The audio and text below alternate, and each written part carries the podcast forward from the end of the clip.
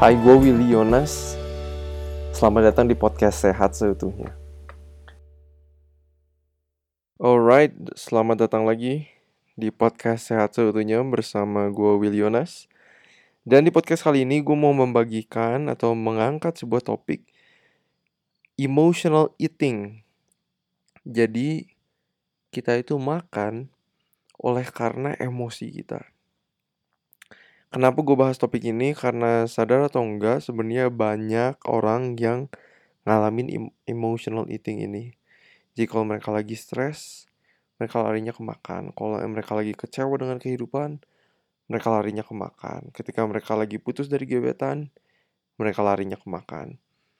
Dan sering kali, seperti yang gue bahas di podcast-podcast sebelumnya, kalau ketika kita lagi stres, uh, atau ada masalah di kehidupan kita, kita larinya ke makan, makan makanan yang kita cari adalah makan makanan yang biasanya yang asin-asin, yang tinggi garam, tinggi lemak atau minyak yang digoreng-goreng, atau yang tinggi gula. Biasanya itu makan makanan yang kita cari, contohnya kayak coklat, kayak es krim, kayak misalnya keripik-keripik, itu yang uh, biasanya kita cari. Nah, pertanyaannya nih, kita boleh tanya diri kita masing-masing. Kira-kira kita pribadi itu mengalami emotional eating gak sih? Mungkin kita nggak selalu mengalami emotional eating, tapi kalau kalian lagi alami, coba uh, evaluasi pertanyaan-pertanyaan ini nih yang bakal gue bagiin. Yang pertama, apakah makanan itu menenangkan Anda? Jadi kalau misalnya kalian makan es krim, wah feels good, rasanya masalah-masalah itu beres.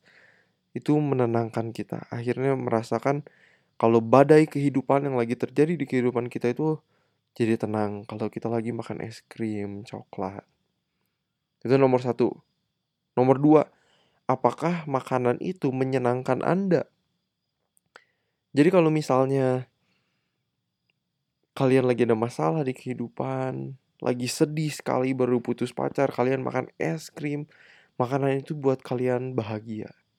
Nah, itu salah satu tanda-tanda yang menunjukkan kalau kalian itu lagi mengalami emotional eating. Atau yang ketiga, makanan itu memberikan kelegaan dari hari Anda yang berat. Kalau lagi berat sekali ada masalah di kantor, makan gorengan, itu rasanya wah memberikan kelegaan. Tapi sebenarnya masalahnya masih di situ, tapi kita larinya ke, ke makanan mencari sesuatu yang bisa menenangkan kita.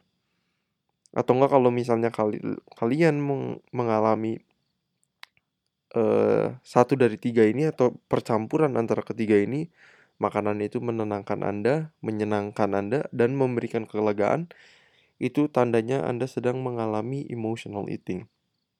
Nah, jadi solusinya kalau misalnya kita lagi mengalami emotional eating kalau atau menyadari kalau diri kita punya kecenderungan emotional eating, apa solusinya? Well, nomor satu, cukup istirahat itu penting. Jadi kalau misalnya tidur, disarankan 7-8 jam sehari, tidur yang cukup. Masalahnya kenapa kalau kita tidurnya nggak cukup, biasa biasanya emosi kita itu lebih cenderung gak stabil. Lebih gampang bete, temen salah ngomong dikit kitanya marah, kitanya gak seneng, di protes, dikritik sedikit sama bos, kitanya langsung emosi, kesel, dan ini tuh bisa disebabkan emang karena kita kurang istirahat.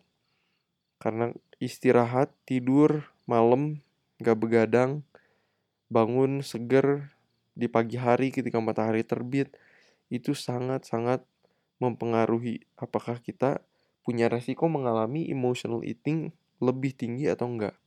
Jadi nomor satu strateginya cukup istirahat. Nomor dua, sebenarnya kalau kita mengalami emotional eating, sebenarnya nomor satu yang harus kita lakukan itu adalah menyelesaikan akar masalahnya.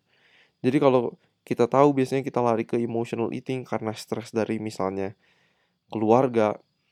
Masalah di keluarga itu perlu kita selesaikan agar nggak ada stresor yang menekan kita supaya kita akhirnya cari sesuatu untuk menenangkan kita atau enggak kalau misalnya um, kalian punya masalahnya di kantor masalah hubungan suami istri atau pacaran akar masalah itu harus diselesaikan supaya nggak lari ke emotional eating jadi selain dari cukup tidur, menyelesaikan masalah itu nomor satu. Apa kalian mau turun berat badan, kolesterol, tekanan darah, gula darah di tahun 2020? Ya mau dong.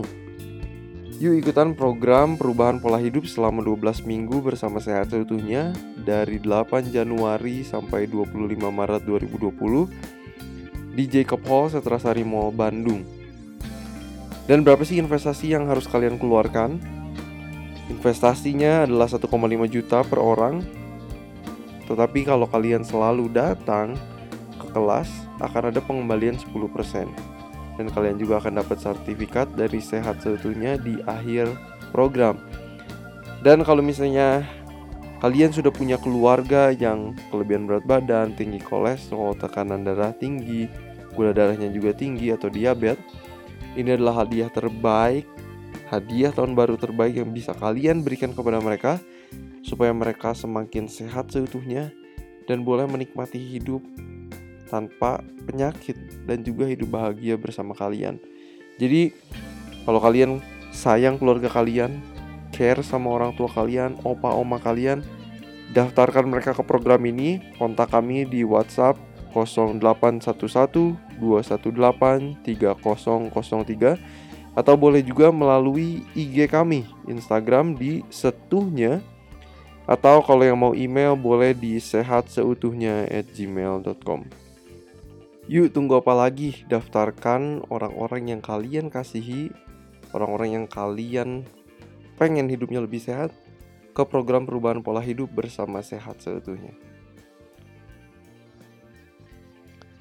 Tapi selanjutnya, solusi dari emotional eating kalau emosi kita lagi semeraut, kita emosinya lagi nggak bagus, olahraga adalah salah satu solusi yang paling paling paling bagus. Karena olahraga ternyata benefit manfaat buat kesehatan mentalnya itu banyaknya bukan main. Karena kita pikir oh ya olahraga cuman untuk sehat secara fisik, biar ototan, biar uh, jantung kita uh, ototnya sehat, biar peredaran darah kita lancar, biar paru-paru kita bugar. Tapi ternyata olahraga banyak sekali hubungannya dengan kesehatan mental. Apalagi kalau teman-teman bisa olahraganya itu di alam bebas.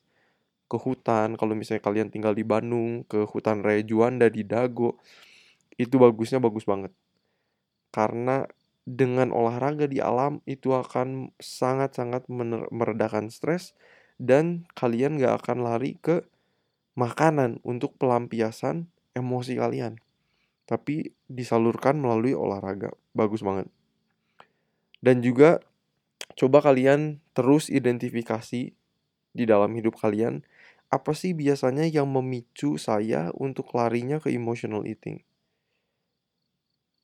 Coba ya, apakah ya itu masalah di kerjaan, masalah hubungan keluarga, hubungan suami istri, hubungan orang tua dengan anak, kalian harus cari e, pemicu-pemicunya supaya kalian bisa tahu jelas apa sih masalahnya dan kalian kalau udah tahu masalahnya coba selesaikan masalah itu dan coba buat strategi. Kalau misalnya kalian udah lagi stres, bikin strategi coba bawanya buah di mobil selalu ada pisang, selalu ada uh, jeruk supaya pelampiasan kalian itu setidaknya disalurkan uh, atau kalian tuh mengkonsumsi makanan-makanan yang sehat. Ya. Jadi itu bisa salah satu solusinya kalian punya strategi untuk um, hal ini. Jadi um, itu yang mau gue bagiin di podcast kali ini soal emotional eating. Sadar atau tidak, banyak juga orang-orang yang mengalami hal ini.